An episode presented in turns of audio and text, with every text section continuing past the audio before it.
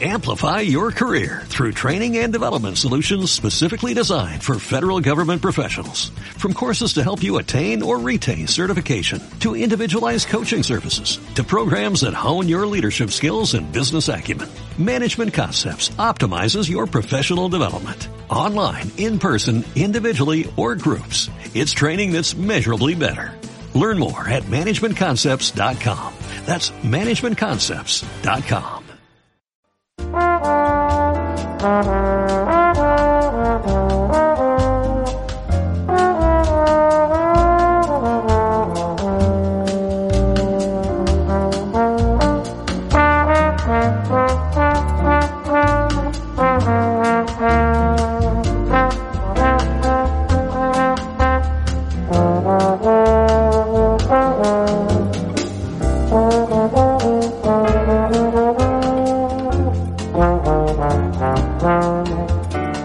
Tercera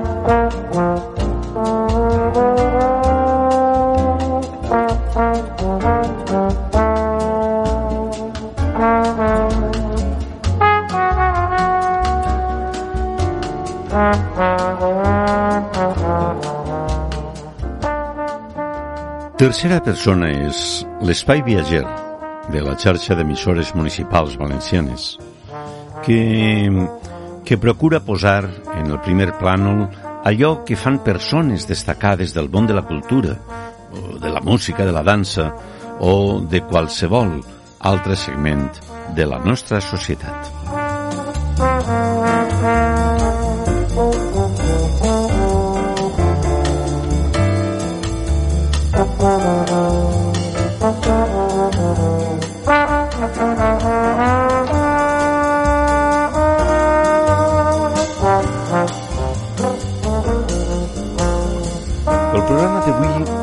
Es veu obligat a fer un salt en el temps i a desplaçar-nos fins les acaballes del segle XIX, moment en què va néixer l'actual villar de l'arzobispo, un personatge que ha estat rescatat del silenci gràcies al treball realitzat pel conjunt de l'Associació Valenciana de Musicologia.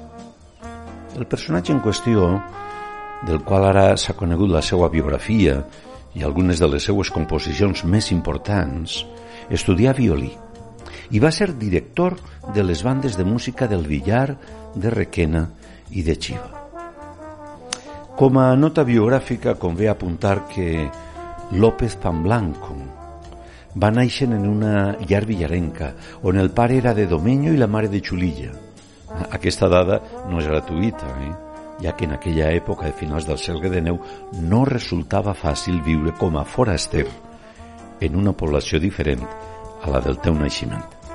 Sembla que per les dades que es tenen de Timoteo López, López Pamblanco, va ser alumne del mestre Salvador Giner, patriarca de la música valenciana. Doncs bé, perquè ens faça uns cèntims sobre aquest personatge contem amb el musicòleg villarense Daniel Martínez Babiloni, persona que, que ha seguit la pista, que li ha seguit la pista des que va ser eh, o va saber de la seva existència. Eh, Daniel, qui és realment Timoteo López Pamblanco? Pues Timoteo López Pamblanco fue un músico, yo creo que eh, a nivel compositivo una de las figuras más importantes, si no la que más, que ha dado Villar. Él, como has dicho, era de madre chulillana y de padre domeñero, pero toda su carrera, digamos, la desarrolló, o, o, prácticamente la mayor parte de su carrera, la desarrolló en Villar dirigiendo las bandas que a principios de, del siglo XIX, eh, del siglo XX, perdón, existían en Villar.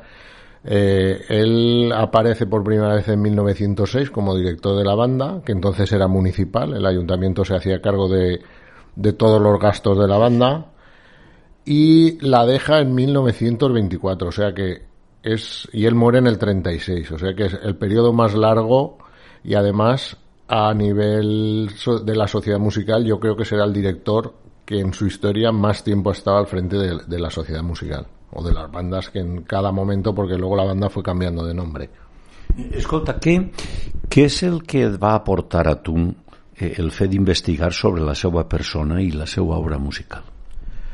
Pues a mí, bueno, primero hay que decir que esta investigación la, la, empezó Marcial García Ballesteros, que es el presidente de la Asociación Requenense de Musicología y compañero de Abamus, y él fue el que me preguntó qué sabíamos de Timoteo López Pan Blanco y yo le dije que la verdad es que en Villar sabíamos muy poco. Conocíamos una marcha de procesión, sabíamos que había sido director, habían algunos datos sueltos y poco más. Entonces, a partir de esta, de que me pinchara Marcial, pues em, ya me metí en el archivo histórico municipal y ya empecé a ver un poco quién era este personaje y en qué momento vivía este personaje, porque yo me, es una, una de las de una etapa de la historia que no se ha estudiado, tanto a nivel sociedad musical como a nivel de pueblo.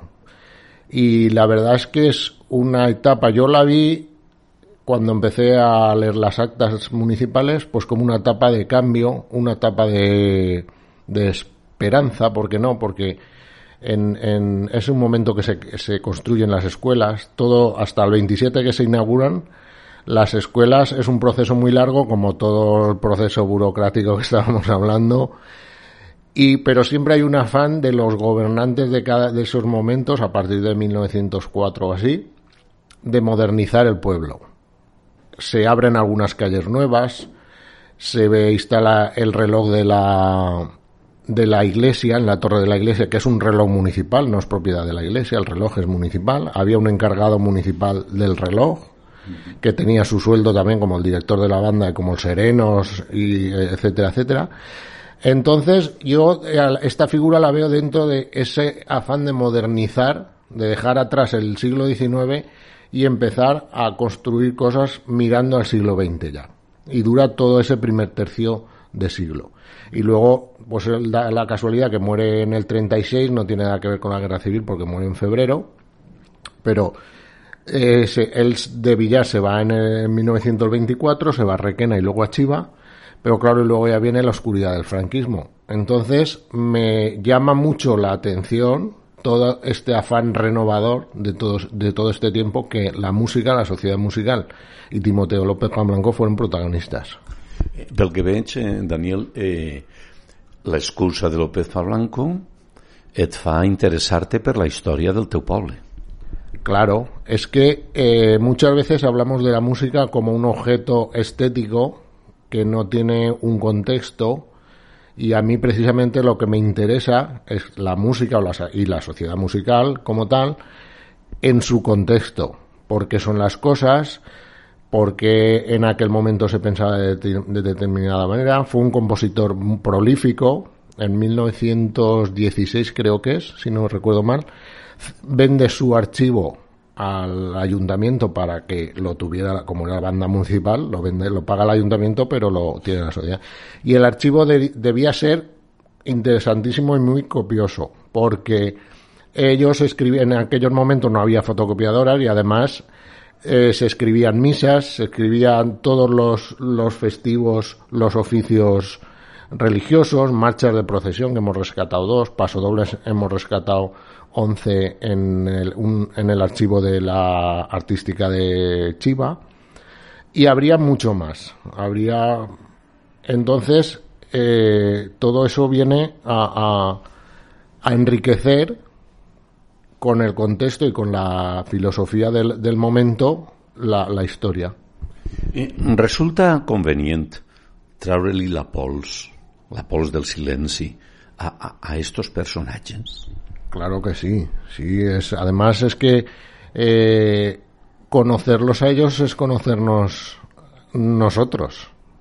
Todo eso que se va quedando en el olvido y vamos, vamos desconociendo, pues son pérdidas de memoria y pérdidas de riqueza, además de patrimonio, que, que tenemos la cualquier sociedad musical o cualquier, o cualquier sociedad en general.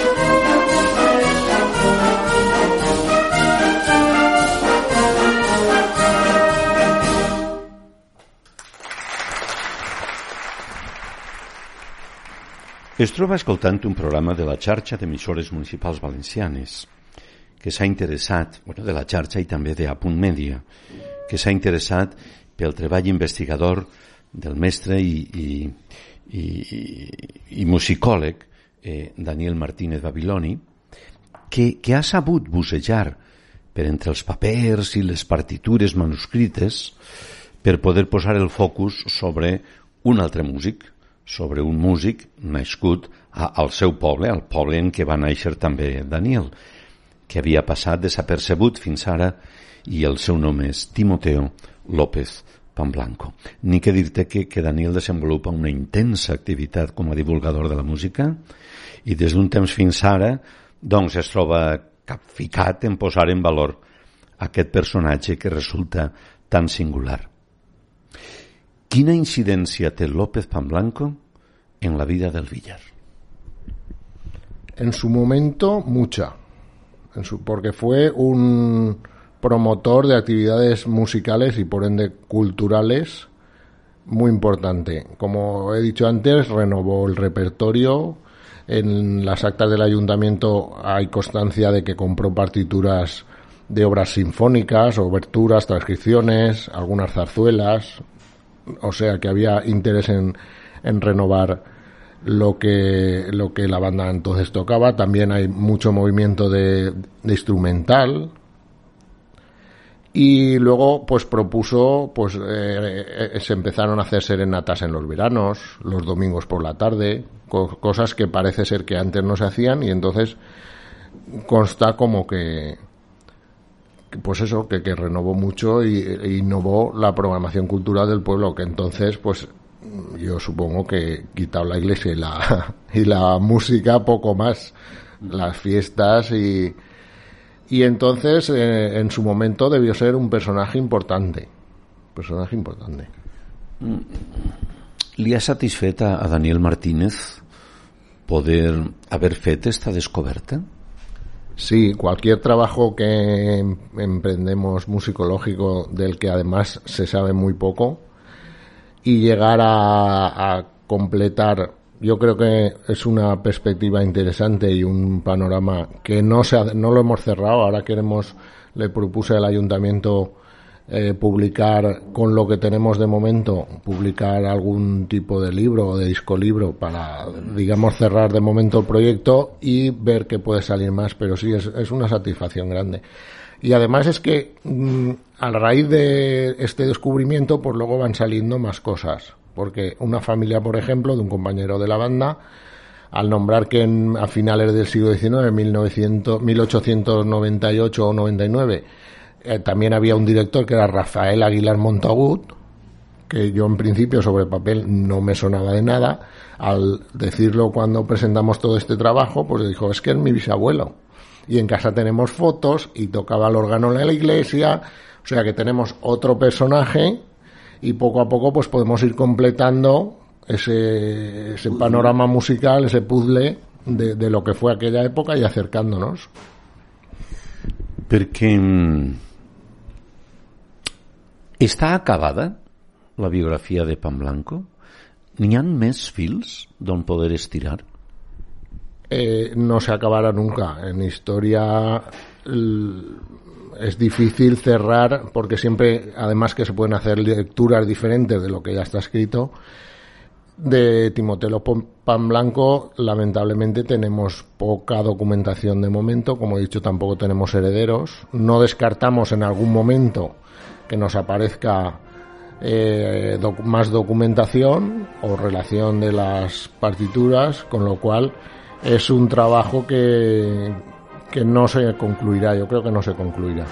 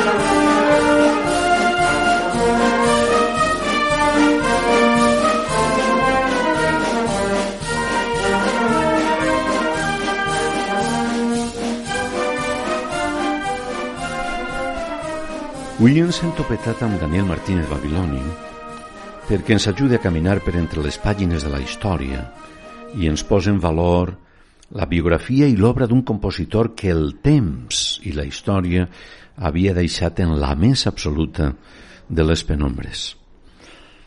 Mm, on va restar la seva faceta de violinista? Perquè sabem que eh, eh, la formació era de violinista. O, on va quedar eixa faceta? Sí, eh, llama la atención de que un músico de billar y un músico de, pues en el momento, aquel momento de banda, estudia, comenzara a estudiar violín, que llegara al Conservatorio de Valencia, pero tampoco tenemos muchos más datos. Esa parte sí que la trabajó muy bien Marcial García y no llegó a acabar la carrera de violín, tampoco llegó a ser un, vamos, a lo mejor pues era un intérprete local con el violín, porque sí que en el en las actas del ayuntamiento yo sí que he, constatado pagos de cuerdas de violín y alguna partitura, con lo cual yo creo que sería para su uso. Pero vamos, sabemos poco más sobre esa faceta. Lo más importante fue eh, director y compositor. Escolta, ¿por qué marcha de manera intempestiva de, de, del poble? No, no fue, yo creo que no fue intempestivo. A partir de 1916 hay que tener en cuenta que eh, todo el florecimiento, digamos, mm, que, el pueblo tiene va creciendo y sobre a partir de 1916. Es curioso que el, la bonanza económica que España tuvo por no por ser neutral en la Primera Guerra Mundial eh, en, en, en, Villar no parece que se note mucho. Parece que hay un repunte, que la economía va mejor. Esto lo sabemos por la revista La Fénix Troyana, que entre 1915 y 1920 eh, ofrece una información valiosísima, que es el precio de los productos del mercado, tanto de Villar como de Chelva. Salen todos los viernes en las patatas a 0,25 pesetas, los productos básicos, y entonces yo fui viendo si estos productos subían o bajaban o había un tal. Sí que parece, la bonanza no se nota mucho, la bonanza de estos años, pero la crisis que surge a partir del final de la Primera Guerra Mundial, sí, los productos se encarecen, el ayuntamiento también empiezan a haber reacciones que no tiene tanto dinero, las fiestas de la Virgen de la Paz, por ejemplo, de ya de 1920, 1921 casi no se pueden hacer porque no tenían el ayuntamiento no tiene fondos, debían muchos pagos, hacen una colecta con los vecinos para poder eh, costear las fiestas, entonces la música pues es consecuencia de todo eso.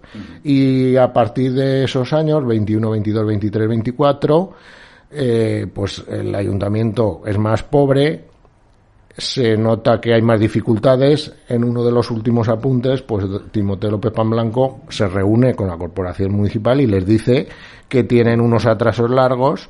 Y yo creo que esta situación, además que ya había estado al frente de la banda 18 años, que es mucho tiempo, yo creo que esta situación ya le lleva a, a marcharse y fue a Requena que allí pues también hizo una labor muy importante creo las dos bandas se hizo cargo de una de las dos bandas que habían y, las rivalidades que habían entonces, bueno, y después con las bandas, una se llamaban los pistoleros y otra, que es la que él cogió, llegó a llamarse los pan blancos, o sea que también dejó mucha huella en Requena. Eh, eres una persona que entiende el lenguaje musical. No sé si té importància avui les seues composicions. Yo creo que importancia sí, porque no, o sea, para Villar, por ejemplo, es muy importante. Mm, a nivel local, a nivel sociedad de música y a nivel local, no tenemos un autor que fuera tan prolífico. Eh, como parte de la historia de la música, pues hombre, no es que sean, no hayan cambiado nada, pero es que tampoco hay que mirarlo así. O sea, no hace falta ser un Mozart o un Beethoven para que tengan valor. Tienen el valor que tienen y son importantes porque además lo que, lo que suena también demuestra que el hombre con eh, hay rasgos de Salvador Giner, hay rasgos de algunas obras de Beethoven, giros armónicos, aunque sea un paso doble, eso se ve. Entonces, sí que son importantes. Eh, vivim un, un bon moment investigador ara mateix? Yo creo que sí, porque la Asociación Valenciana de Musicología, por ejemplo, somos eh, varios compañeros muy activos. En abril, precisamente en Requena, se celebrará una de las jornadas. Acabamos de pasar unas dedicadas a Joan Fuster, otras que se hicieron en Xativa sobre mm, también la música de 1820 o así cuando Xativa era provincia. Y aparte de estas mm, estas investigaciones sobre música del país valenciano, yo veo que eh, hay mucho movimiento de, investigadores e investigadoras que pues dedicamos los ratos que podemos a, todo esto. S'han de procurar nous horitzons a la musicología? ¿S'ha de potenciar? Sí, hay a nivel de disciplina hay muchas muchas digamos muchas facetas abiertas con todo lo que eh, pues los medios digitales, las nuevas formas de, de escuchar música, de ver la música, de plantear la música, de programar la música. Y hay hay muchas mucha variedad de, temática en la que te puedes acoger con, desde la faceta digamos que podría ser más clara de historia de la música que que a lo mejor es la que más se asimila a un musicólogo hasta análisis o planteamientos muy actuales. Doncs fins així el programa d'avui. Hem intentat acostar-nos al treball que, que ha oferit Daniel Martínez Viviloni i l'Associació de Musicologia del País Valencià perquè, perquè ens explicara l'existència d'un músic, d'un director de bandes i d'un compositor local, però amb projecció més enllà de la localitat, oblidat. Amb ell hem recorregut, amb Daniel, part dels, dels pentagrames escrits ara fa més d'un segle per un personatge que havia restat silenciat d'una manera predeterminada, diria jo. Daniel Martínez, moltíssimes gràcies per compartir este temps de ràdio. Gràcies a ti.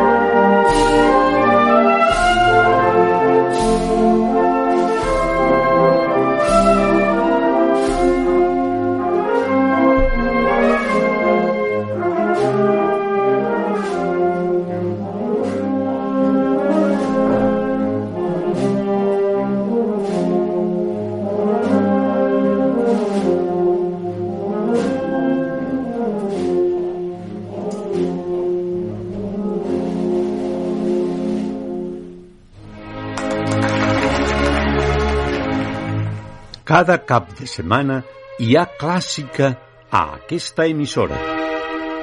Cada cap de setmana El Musiquer conté bona cosa de música clàssica. Cada dissabte i diumenge en directe i a la carta sempre que vulguis trobaràs els millors pentagrames llegits per excel·lents intèrprets. El Musiquer.